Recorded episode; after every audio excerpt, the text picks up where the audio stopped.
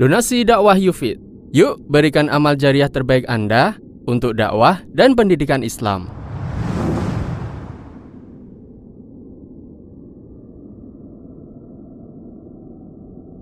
Bismillahirrahmanirrahim. Assalamualaikum warahmatullahi wabarakatuh. Alhamdulillahi rabbil alamin. Wabihi nasta'inu ala umuri dunia wal din. وصلى الله على نبينا وسيدنا محمد وعلى آله وصحبه أجمعين أما بعد Kita panjatkan puji dan syukur kehadirat Allah Subhanahu wa taala. Pada kesempatan malam yang berbahagia kali ini tanggal 16 Rabiul Awal 1440 Hijriah atau yang bertepatan dengan tanggal 23 November 2018 kita masih kembali diberi kekuatan, kesehatan, hidayah serta taufik dari Allah Jalla wa ala sehingga kita bisa kembali menghadiri pengajian rutin untuk membahas adab dan akhlak di dalam Islam di Masjid Jenderal Besar Sudirman Purwokerto ini kita berharap semoga Allah Subhanahu wa taala berkenan untuk melimpahkan kepada kita semuanya ilmu yang bermanfaat sehingga bisa kita amalkan sebagai bekal untuk menghadap kepada Allah Jalla wa ala. Amin. Salam dan salam semoga senantiasa tercurahkan kepada junjungan kita Nabi besar Muhammad sallallahu alaihi wasallam kepada keluarganya, sahabatnya, dan umatnya yang setia mengikuti tuntunannya hingga akhir nanti.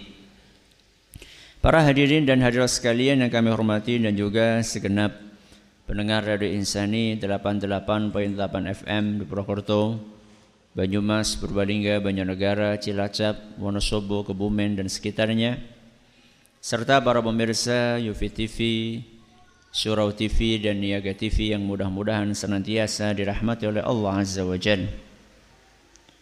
Pada pengajian terakhir kita yaitu yaitu pengajian pekan lalu kita telah sampai kepada hadis nomor 26 yang dibawakan oleh Imam Ibn Hajar Al-Asqalani dalam kitab beliau Bulughul Maram Kitabul Jami' yaitu hadis yang berbunyi an Abi Dzar radhiyallahu anhu qal dari sahabat Nabi SAW Abu Dzar semoga Allah meridhai beliau.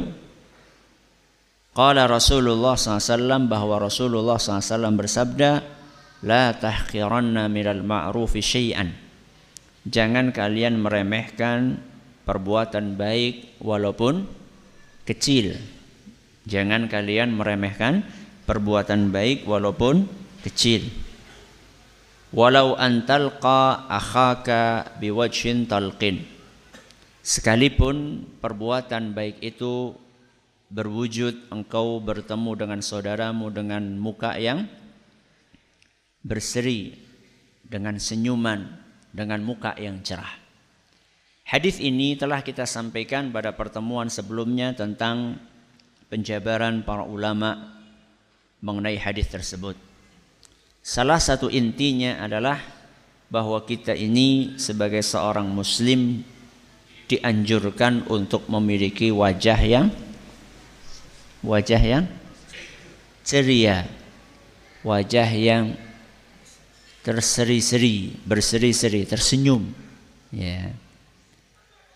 Bahkan kita bawakan pada pertemuan yang lalu bahwa Nabi kita Muhammad SAW Dikatakan oleh salah seorang sahabatnya yaitu Jarir bahwa setiap ketemu dengan Jarir selalu beliau tersenyum. Ya. Ini menggambarkan bahwa Islam ini agama yang murah, murah, senyum. Ya. Timbul pertanyaan, apakah agama kita ini sama sekali melarang kita untuk marah. Ya.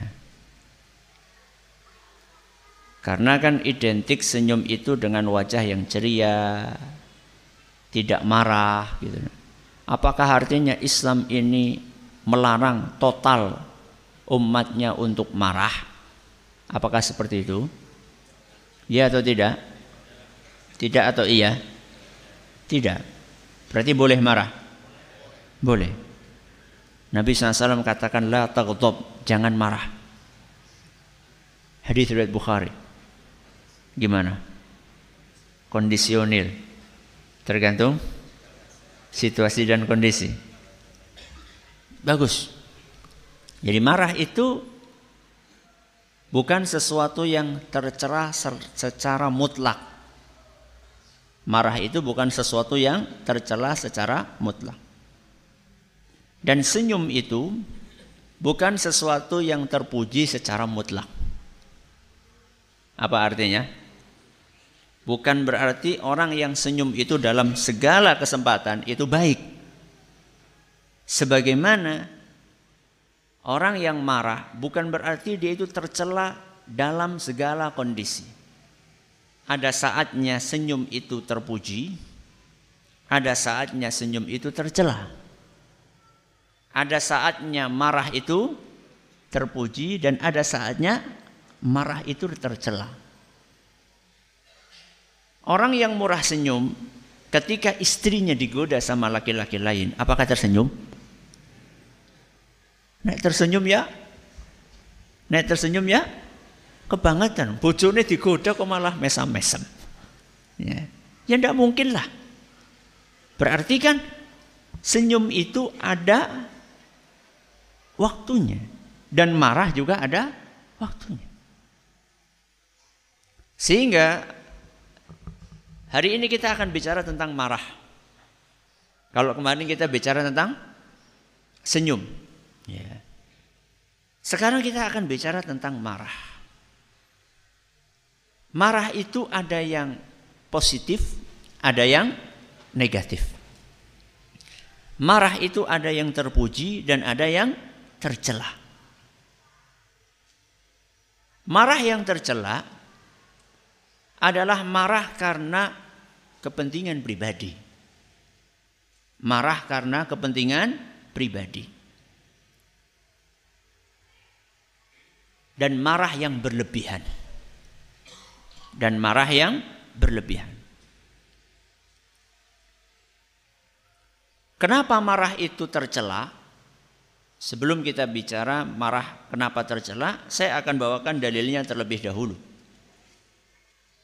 Yaitu sabda Nabi sallallahu alaihi wasallam dalam hadis yang diriwayatkan oleh Imam Bukhari ketika ada seorang datang kepada Nabi kita Muhammad sallallahu alaihi wasallam dan berkata kepada beliau ausini wahai rasul berikanlah wasiat kepadaku.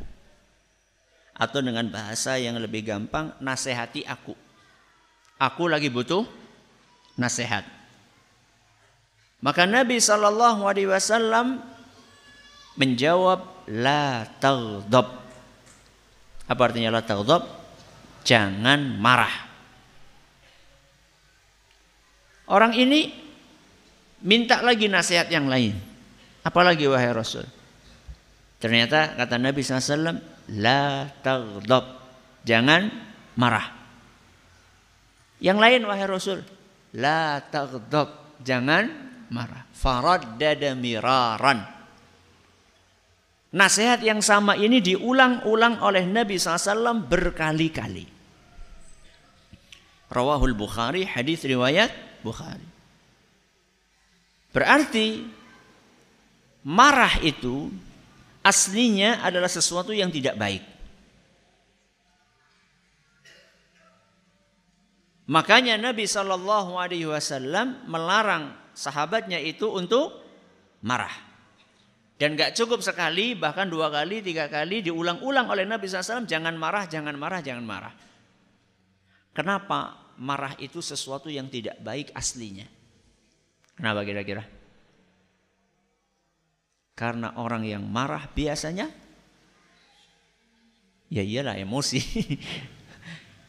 orang yang marah biasanya lepas kontrol. Lepas kendali.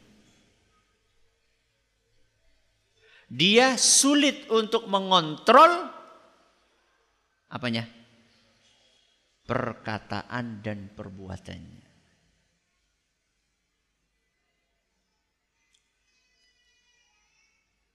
Akal sehatnya itu ketutup dengan emosinya.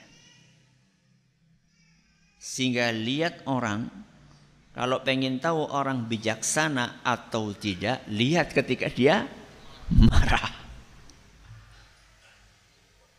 Apakah dia bisa mengontrol emosinya atau tidak? Kalau dalam kondisi marah dia bisa mengontrol emosinya, wah ini betul-betul bijaksana. Ya kalau orang tidak lagi marah nggak bisa ngontrol, harus sama sekali tidak bisa sana. Orang kalau lagi marah itu dia ngomongnya nggak terkontrol dan perbuatannya juga nggak terkontrol. Makanya banyak sekali kata-kata yang tidak layak untuk keluar dari mulut dikeluarkan dalam kondisi marah kebun binatang metu kabeh. Kalau orang lagi marah. Rumah tangga hancur ketika sedang marah. Rata-rata orang itu menceraikan istrinya ketika lagi marah. Wis pegatan baik, iya orang apa-apa. Siki baik, orang sangat ngongkok, GPL. Ya. Sulit seorang mengontrol mulutnya. Bukan hanya mulutnya, bukan hanya perkataannya termasuk perbuatannya, seluruh anggota tubuh dia. Kalau lagi marah itu sulit dikontrol. Ya tangannya, ya matanya. Jajal sih ngilo. Coba Anda bercermin kalau Anda lagi marah keren, cakep, atau jelek, mengerikan. Orang lagi marah itu identik matanya melotot, mukanya merah, telinganya keluar asapnya. itu film kartun itu. Intinya mendidih otaknya gitu lah kira-kira. Dia sulit untuk mengontrol perbuatannya. Sehingga terjadilah pembunuhan. Ketika orang lagi eh emosi. Padahal mungkin masalah-masalah sepele. Ya. Mungkin cuma masalah ayam. Tetangga yang sering buang kotor, kotoran sembarangan ayam gue digebuki ora paham ora. Ya. Ayam tuh nggak punya nggak punya akal ayam itu. Bu Anda ambil kepalanya di plak plok plak plok plak plok. Ora paham ora. Ya. Anda yang mempermalukan diri Anda sendiri. Ya. Apa yang dikatakan ditulisi dilarang BAB sembarangan, ya orang bisa maca juga. Kadang-kadang karena masalah sepele, akhirnya ribut, akhirnya sampai emosi naik, kemudian dia ngambil sesuatu yang bisa membunuh orang lain, ambil golok, ambil apa.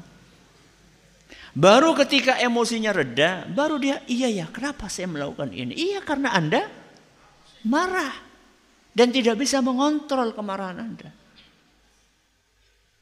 Makanya Nabi Shallallahu Alaihi Wasallam sejak awal sudah mengantisipasi jangan marah karena kalau orang sudah marah sudah sulit terkontrol sehingga dari awal dicegah dulu jangan marah. Kalau sudah terlanjur marah sulit untuk mengontrol maka sebelum itu terjadi hindari jangan marah. Kalau sudah terlanjur bagaimana? Kalau sudah terlanjur pesan dari Nabi SAW, Idza ghadibta faskut. Kalau kamu lagi marah, diam. Kalau tadi kan sebelum marah, jangan marah. Tapi kalau sudah tidak bisa ditahan marah, maka suruh diam. Apanya yang diam? Apanya yang diam? Semuanya. Ya mulutnya, ya anggota tubuhnya.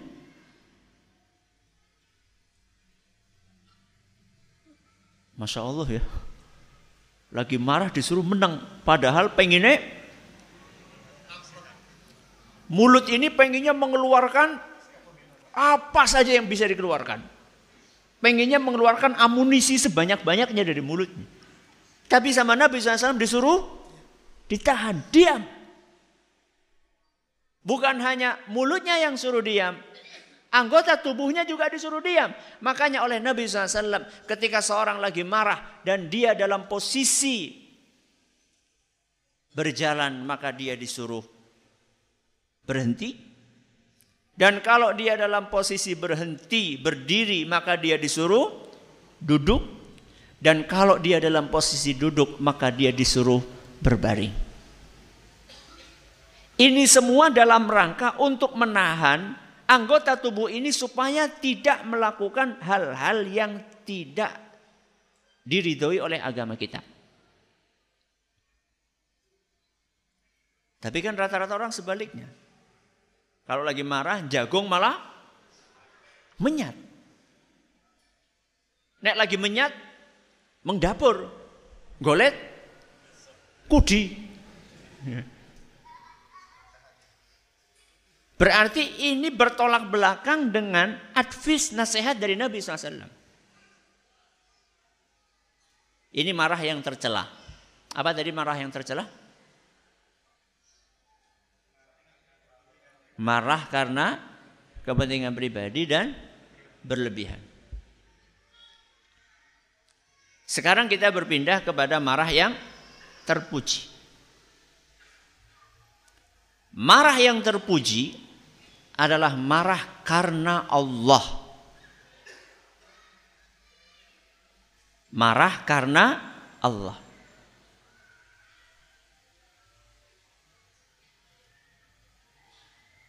Marah karena Allah itu apa maksudnya? Marah ketika melihat aturan Allah dilanggar. Marah ketika melihat aturan Allah dilanggar.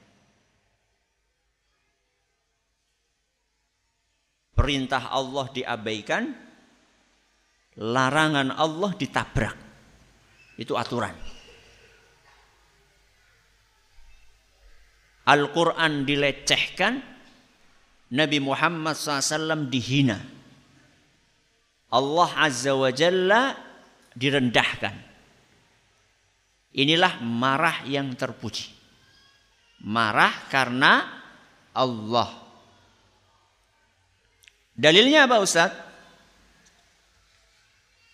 Dalilnya hadis Nabi sallallahu alaihi wasallam yang diriwayatkan oleh Imam Bukhari dituturkan oleh ibunda kita Ummul Mukminin Aisyah radhiyallahu anha kata beliau wallahi demi Allah man taqama sallallahu alaihi wasallam li nafsihi fi syai'in yu'ta ilaihi qat demi Allah Nabi SAW tidak pernah balas dendam, tidak pernah marah karena kepentingan pribadinya. Jadi kalau Nabi Shallallahu Alaihi Wasallam yang dihina kepentingan pribadinya beliau yang dihina, beliau pribadinya yang disakiti, beliau tidak pernah marah. Contoh ketika Nabi SAW didatangi oleh seorang Arab Badui dari arah belakang. Sambil ditarik bajunya. Kerahnya itu ditarik. Dan nariknya itu tidak pelan. Nariknya itu kenceng sampai bekas merah di leher Nabi SAW.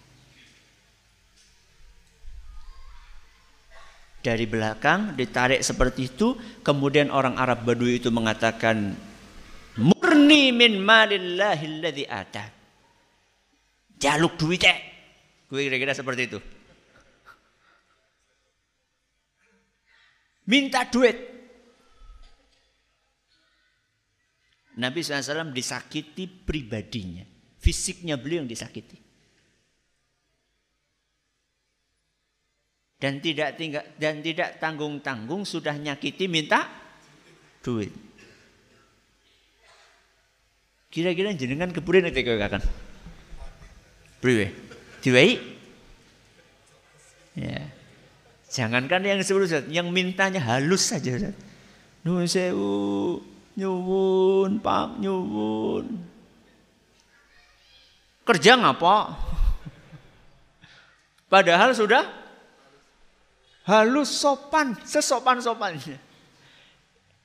Nabi SAW begitu digitukan,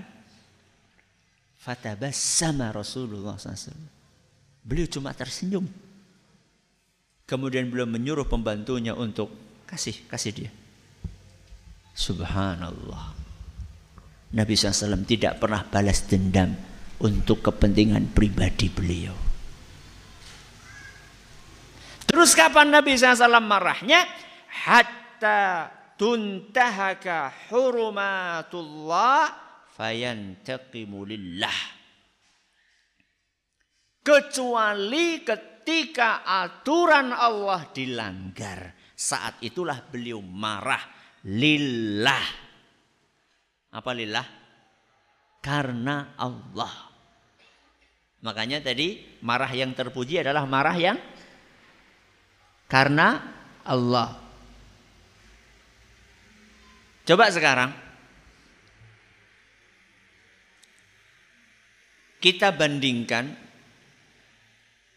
keseharian Nabi SAW yang kayak tadi nggak pernah malah kalau yang dihina pribadi beliau atau yang disakiti fisik beliau sendiri marahnya adalah ketika ajaran Allah yang dilanggar. Sekarang kita bandingkan itu dengan kita. Rata-rata kita ini marahnya kapan?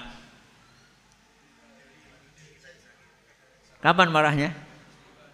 Ketika pribadi kita yang dilecehkan. Ketika pribadi kita. Ketika agama kita yang dilecehkan. Ketika aturan Allah yang dilabrak. Apakah kita marah? Kok amleng? Apakah kita marah? Marah. Masya Allah. Alhamdulillah. Tapi banyak orang-orang yang cuek, bebek ketika aturan Allah dilanggar. Dan dia akan naik pitam, akan marah ketika pribadi dia yang dihina. Dan ini kebalik. Tidak sesuai dengan keseharian Nabi kita Muhammad sallallahu alaihi wasallam. Contoh Ustaz, Rasulullah SAW marah. Contohnya bagaimana Ustaz? Pernah ada sebuah kejadian diriwayatkan oleh Imam Muslim. Ada seorang bangsawan, seorang wanita bangsawan Quraisy dari suku namanya suku Makhzumiyah. Suku Makhzumiyah, suku Makhzum, Bani Makhzum. Ketahuan nyuri. Ketahuan nyuri. Padahal ini wanita bangsawan. Maka mereka pun bingung. Mereka tahu persis di dalam Islam hukuman mencuri kalau seandainya barang yang dicuri sudah masuk nisab apa nisab? Batas minimal bisa dijatuhi hukuman. Jadi yang namanya potong tangan dalam Islam itu bukan asal nyolong. Sana nyolong sambil jepit selain dipotong tangannya oral. Jadi ada apanya? Ada nisabnya, ada batas minimalnya. Ya. Bukan berarti besok boleh nyolong sadar jepit selain, enggak. Cuman nyolong yang bisa dihukum dengan potong tangan itu bukan sembarang nyolong, bukan. Ada aturannya. Dan juga dilihat saat itu apakah musim paceklik atau tidak. Jadi banyak ini enggak. Jadi jangan begitu dengar kata potong tangan itu langsung wah. Engko ya tangan tong yo. Enggak. Ada aturannya. Ada kriterianya. Nah, mereka orang-orang Quraisy itu tahu persis bahwa Nabi SAW itu tidak akan pernah mentolerir ketika pelanggaran itu sudah berkaitan dengan hudud. Ya, hudud itu adalah penjatuhan hukuman seperti potong tangan, seperti rajam, ya, seperti cambuk bagi mereka yang berzina atau bagi mereka yang minuman keras. Ya. Ini Nabi SAW tidak pernah mentolerir itu. Tapi mereka malu seandainya wanita bangsawan ini dipotong tangannya. Ini akan jadi aib sepanjang masa. Sukunya ini, wah. Akhirnya maka mereka pun berusaha untuk melobi Nabi kita Muhammad SAW. Namun mereka nggak berani ngelobi sendiri. Akhirnya mereka mencari orang yang sangat disayangi oleh Nabi SAW. Siapakah dia? Usamah bin Zaid. Siapa? Usamah bin Zaid. Beliau itu mendapatkan julukan Hibbu Rasulullah SAW. Anak kesayangan Rasulullah SAW. Jadi mereka pikir kalau yang lobi Nabi SAW adalah anak kesayangannya, maka Nabi akan lunak. Maka begitu Usamah datang menemui Nabi SAW dan menyampaikan hajatnya, Nabi Sallallahu Alaihi Wasallam langsung bersabda, "Atashfa'u fi haddin min hududillah?" Apakah engkau pengin aku menggugurkan hukuman yang sudah ditetapkan oleh Allah? Kamu melobi aku agar aku menggugurkan hukuman yang sudah ditetapkan oleh Allah Subhanahu wa taala? Gak cukup beliau hanya marah kepada siapa? Usama. Beliau naik mimbar. Nabi SAW naik mimbar dikumpulkan para sahabatnya. Kemudian beliau sallallahu alaihi wasallam bersabda, "Ayyuhan nas, wahai para manusia, innama ahlakal ladzina min qablikum annahum kanu idza saraqa fihim syarifu tarakuh wa idza saraqa fihim dha'ifu aqamu alaihi had." Wahai para manusia, yang membuat umat-umat sebelum kalian binasa itu adalah gara-gara Seandainya yang mencuri adalah bangsawan maka akan dilepaskan. Dan seandainya yang mencuri adalah rakyat jelata maka akan dihukum. Tebang, pilih, tajam ke bawah, tumpul ke atas. Ini yang membuat bangsa akan hancur. Sejak 14 abad lalu 15 abad lalu sudah diingatkan oleh Nabi kita Muhammad SAW. Kalau masih kerabat pejabat, lepas. Kalau masih kroni pejabat, lepas. Kalau dari oposisi, uh, nek bisa di rujak sisan. Ini yang membuat hancur suatu bangsa.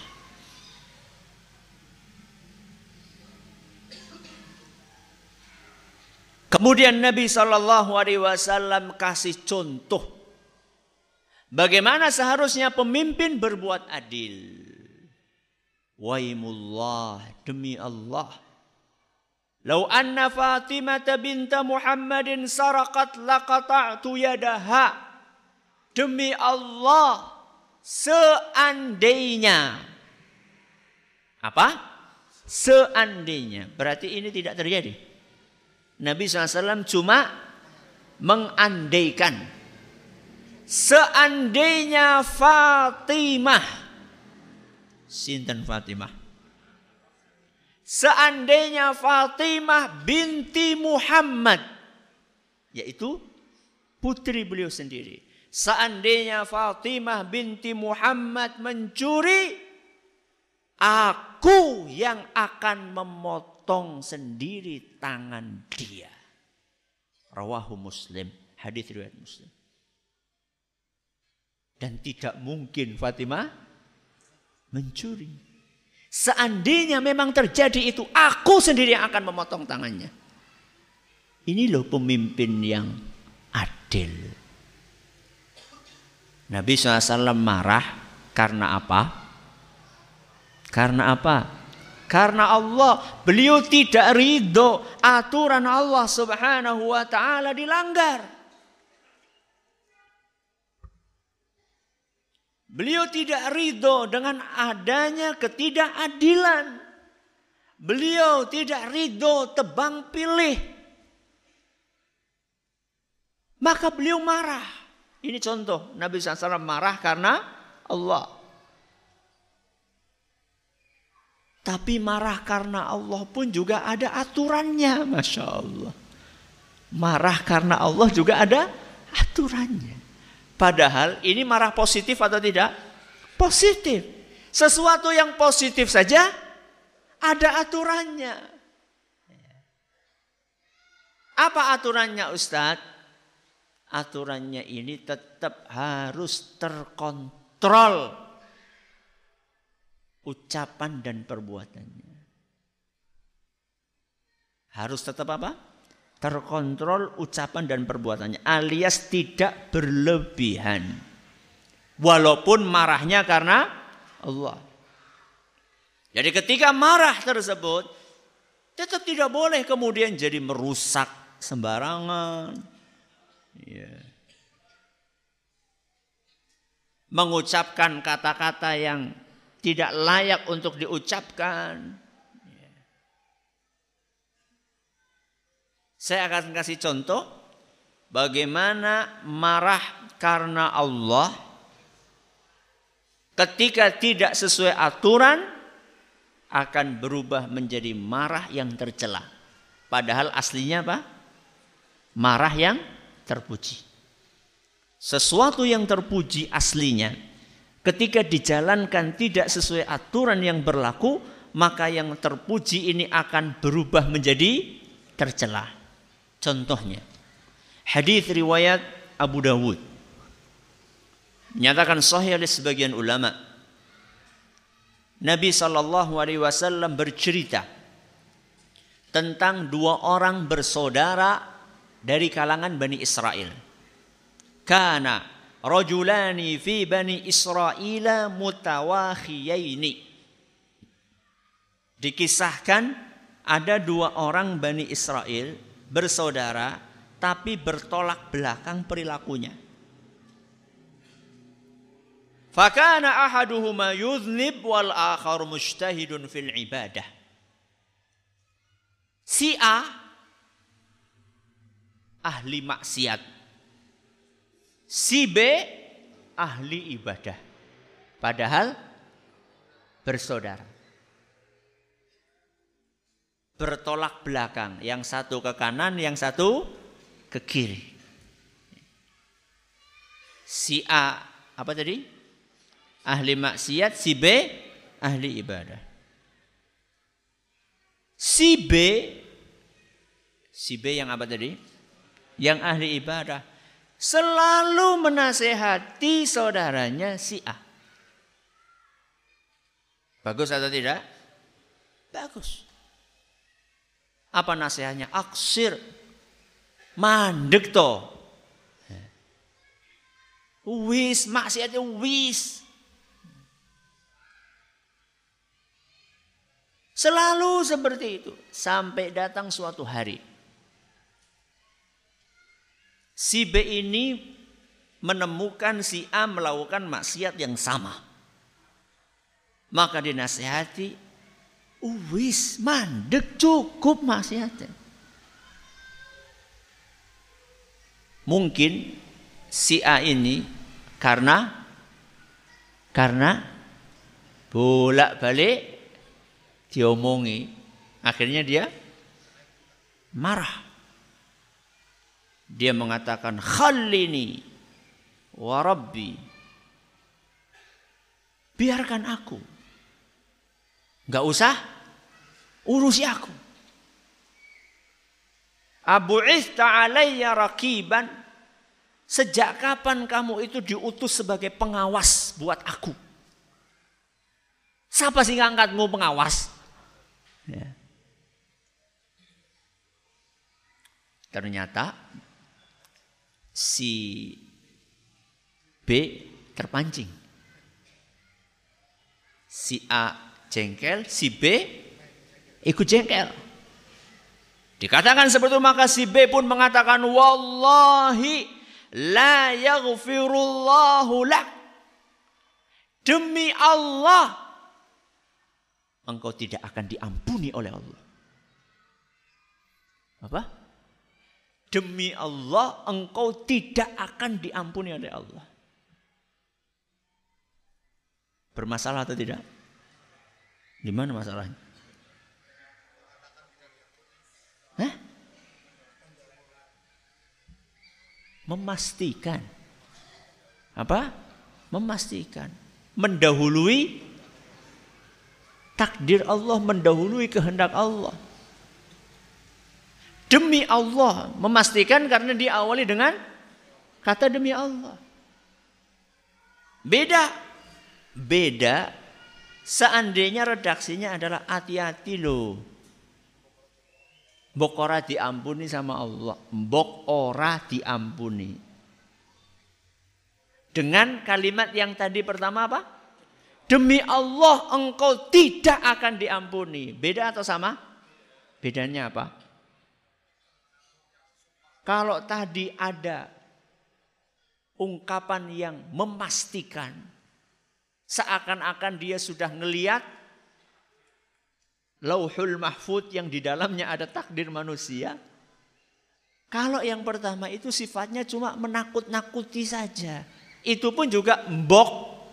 Mbok itu apa?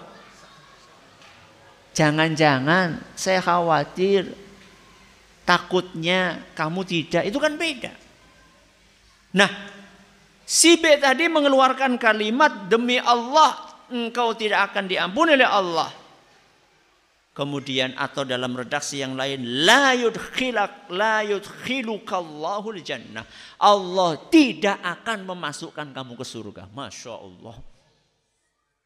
Seakan-akan surga itu milik dia. Apa kamu yang bagi surga?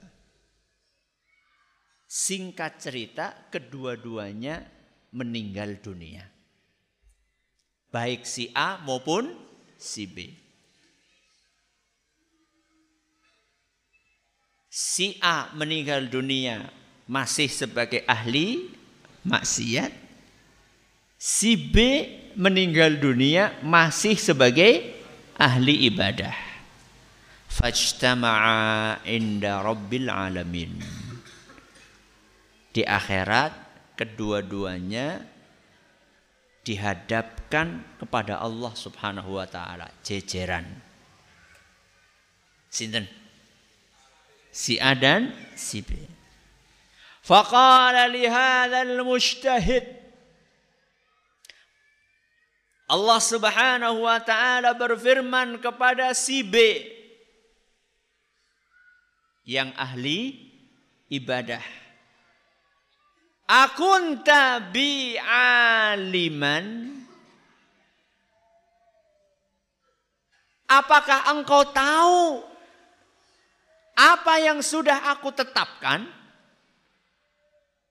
Maksudnya apa engkau tahu isi buku takdir yang sudah aku tulis itu? Sehingga kamu berani mengatakan dia tidak akan diampuni, kemudian dia tidak akan masuk surga. Awakunta ala ma fi yadi qadiran? Apakah engkau lebih berkuasa dibandingkan aku? Ini adalah yang Allah sampaikan kepada si B. Apa yang Allah sampaikan kepada si A? Idhab. Pergi. Masya Allah. Disuruh apa? Pergi. Fadkhulil jannata birahmati. Pergilah kamu dan masuklah engkau ke surga dengan rahmatku.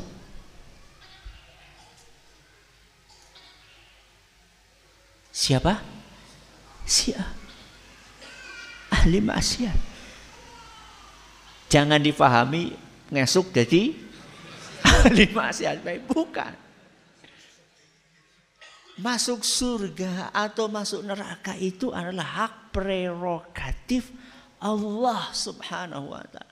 Hak mutlak Allah.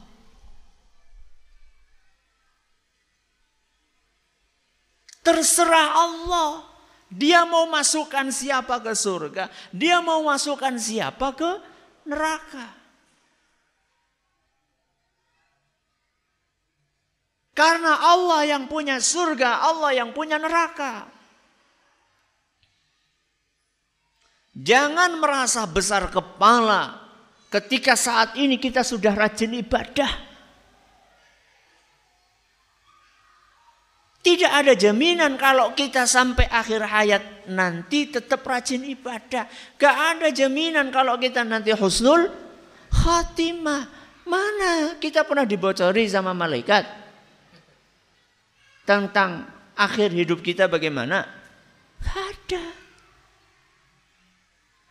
Dan kita juga tidak tahu kok amal ibadah yang kita lakukan selama ini diterima sama Allah atau tidak kan gak tahu. Coba angkat tangan yang tahu amal ibadahnya diterima. Orang sing ngacung pada karonyong. Makanya ada seorang sahabat Nabi SAW mengatakan apa? Andai kan aku tahu ada dua rakaat solatku yang diterima oleh Allah Subhanahu wa taala. Itu lebih aku cintai daripada dunia seisi. Andaikan aku dapat berita bocoran dua rakaatmu itu diterima sama Allah. Itu sudah membuat aku lebih bahagia dibandingkan diberi dunia seisinya. Kenapa demikian? Para ulama menjelaskan, karena Allah di dalam Al-Quran berfirman Innama yataqabbalullahu minal muttaqin Karena Allah dalam Al-Quran berfirman Yang diterima amalnya hanyalah orang-orang yang bertakwa Berarti kalau amalan dia diterima walaupun cuma dua rakaat berarti dia Orang yang bertakwa dan orang yang bertakwa tempatnya di mana? Di surga. Sehingga jangan pernah kita angkuh, jangan pernah kita sombong, jangan pernah kita besar kepala dengan amalan yang kita kerjakan.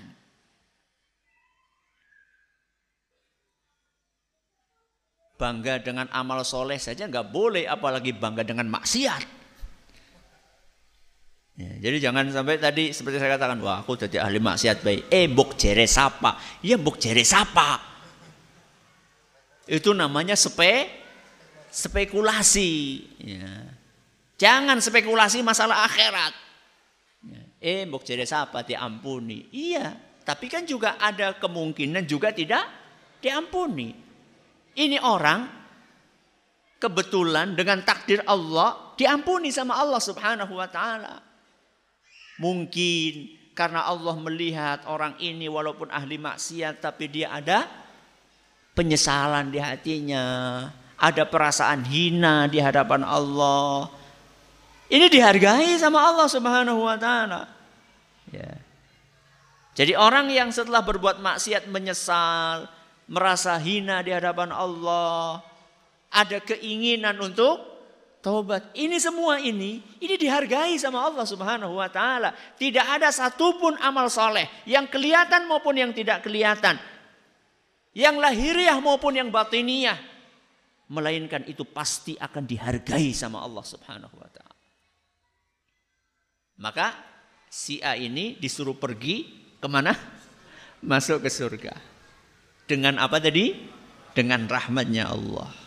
Wa qala lil Waqala Waqala lil akhar Kemudian Allah Subhanahu wa taala berfirman kepada si B. Idhabu bihi ilan nar. Bawa orang ini ke neraka. Inna lillahi wa inna ilaihi rajiun. Padahal dia ahli ibadah karena dia mendahului takdirnya Allah. Tidak sopan kepada Allah. Tidak beretika kepada Allah. Seakan-akan dia ini mengatur Allah, harusnya kayak gini, harusnya kayak gini. Apa komentar Abu Hurairah yang meriwayatkan hadis ini?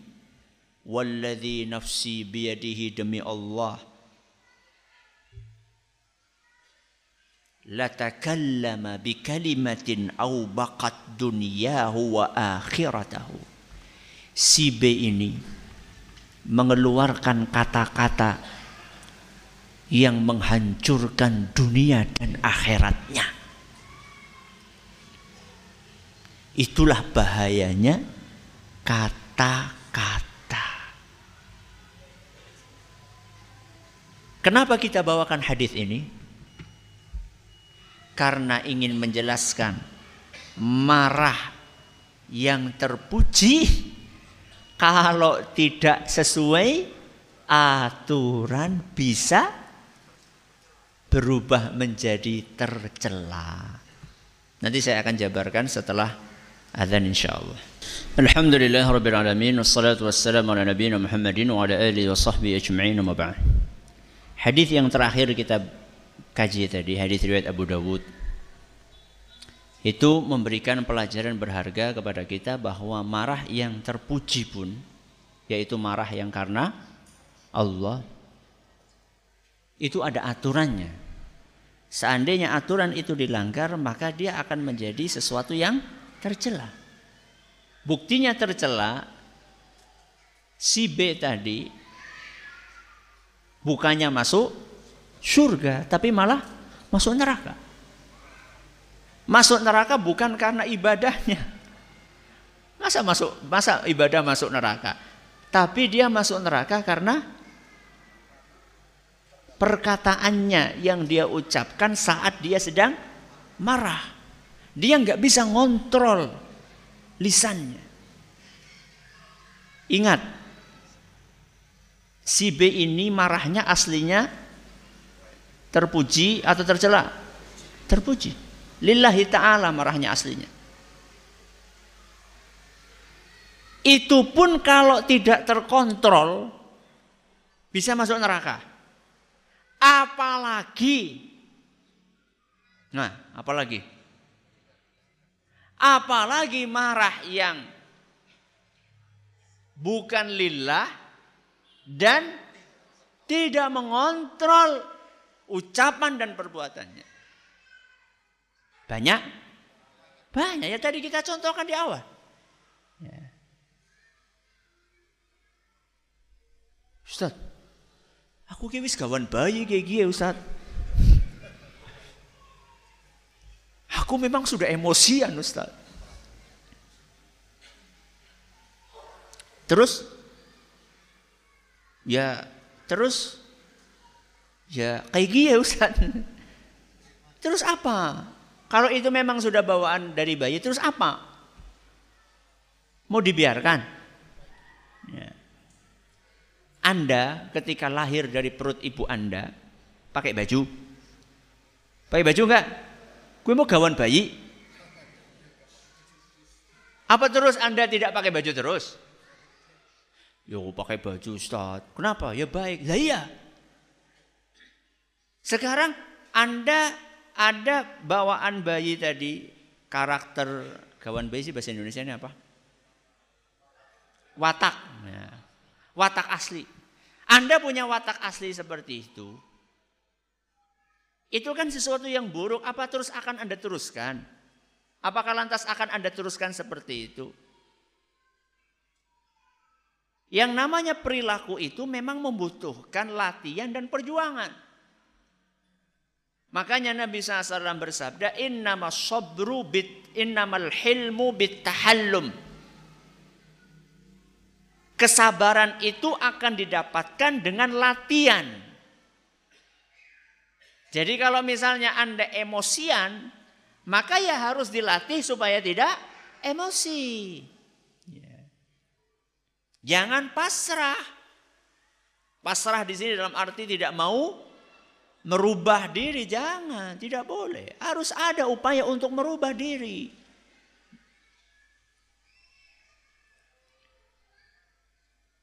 Jadi pelajaran yang bisa kita ambil dari hadis yang tadi terakhir kita dengarkan bahwa marah yang lillah pun harus diatur.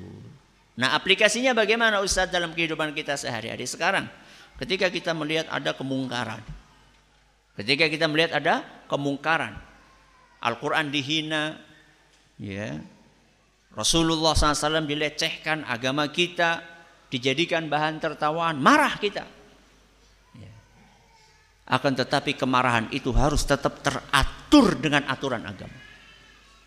Jangan sampai kita melakukan hal-hal yang merugikan orang yang tidak bersalah. Contoh, kita marah ini. Al-Quran dilecehkan. Terus kita bakar ban di tengah jalan. Bakar apa? Ban di tengah jalan. Sehingga lalu lintas jadi macet. Nyambung apa ora? Nyambung apa ora? Menyelesaikan masalah atau tidak? Tidak. Malah nambah masalah. Sekarang orang yang macet tadi itu lalu lintas sampai berkilo-kilo. Salahnya mereka apa? Kok malah mereka yang jadi korban? Ya. Walaupun niat aslinya marah karena Allah. Tapi marah karena Allah pun harus diatur dengan aturan agama. Tidak boleh kita melakukan hal-hal yang melanggar aturan agama. Melanggarnya di mana Ustadz? Subhanallah. Kerikil di tengah jalan saja disuruh untuk disingkirkan. Kerikil, kerikil. Paku, apa maning? Beling, duri. Kalau ada di tengah jalan disuruh disingkirkan oleh Nabi SAW. Ini kok malah kita naruh ban dibakar mana ini tengah jalan sih kepriwe gitu loh. Ya jelas melanggar agama lah. Apalagi merugikan orang banyak. Macet, ada orang mungkin di sana ada ambulan. Bawa orang yang sedang sekarat.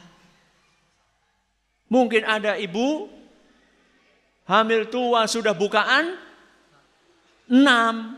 Ya, ya jasangal lah. Contohnya betul itu. Bukaan enam. Mungkin ada orang sedang asma lagi butuh oksigen. Kok dipikir tuh matang-matang. Ya. Jadi marah itu terbagi menjadi dua. Ada yang terpuji, ada yang tercela. Subhanakallahumma wa bihamdika asyhadu an la ilaha illa anta astaghfiruka wa atubu ilaik. Assalamualaikum warahmatullahi wabarakatuh.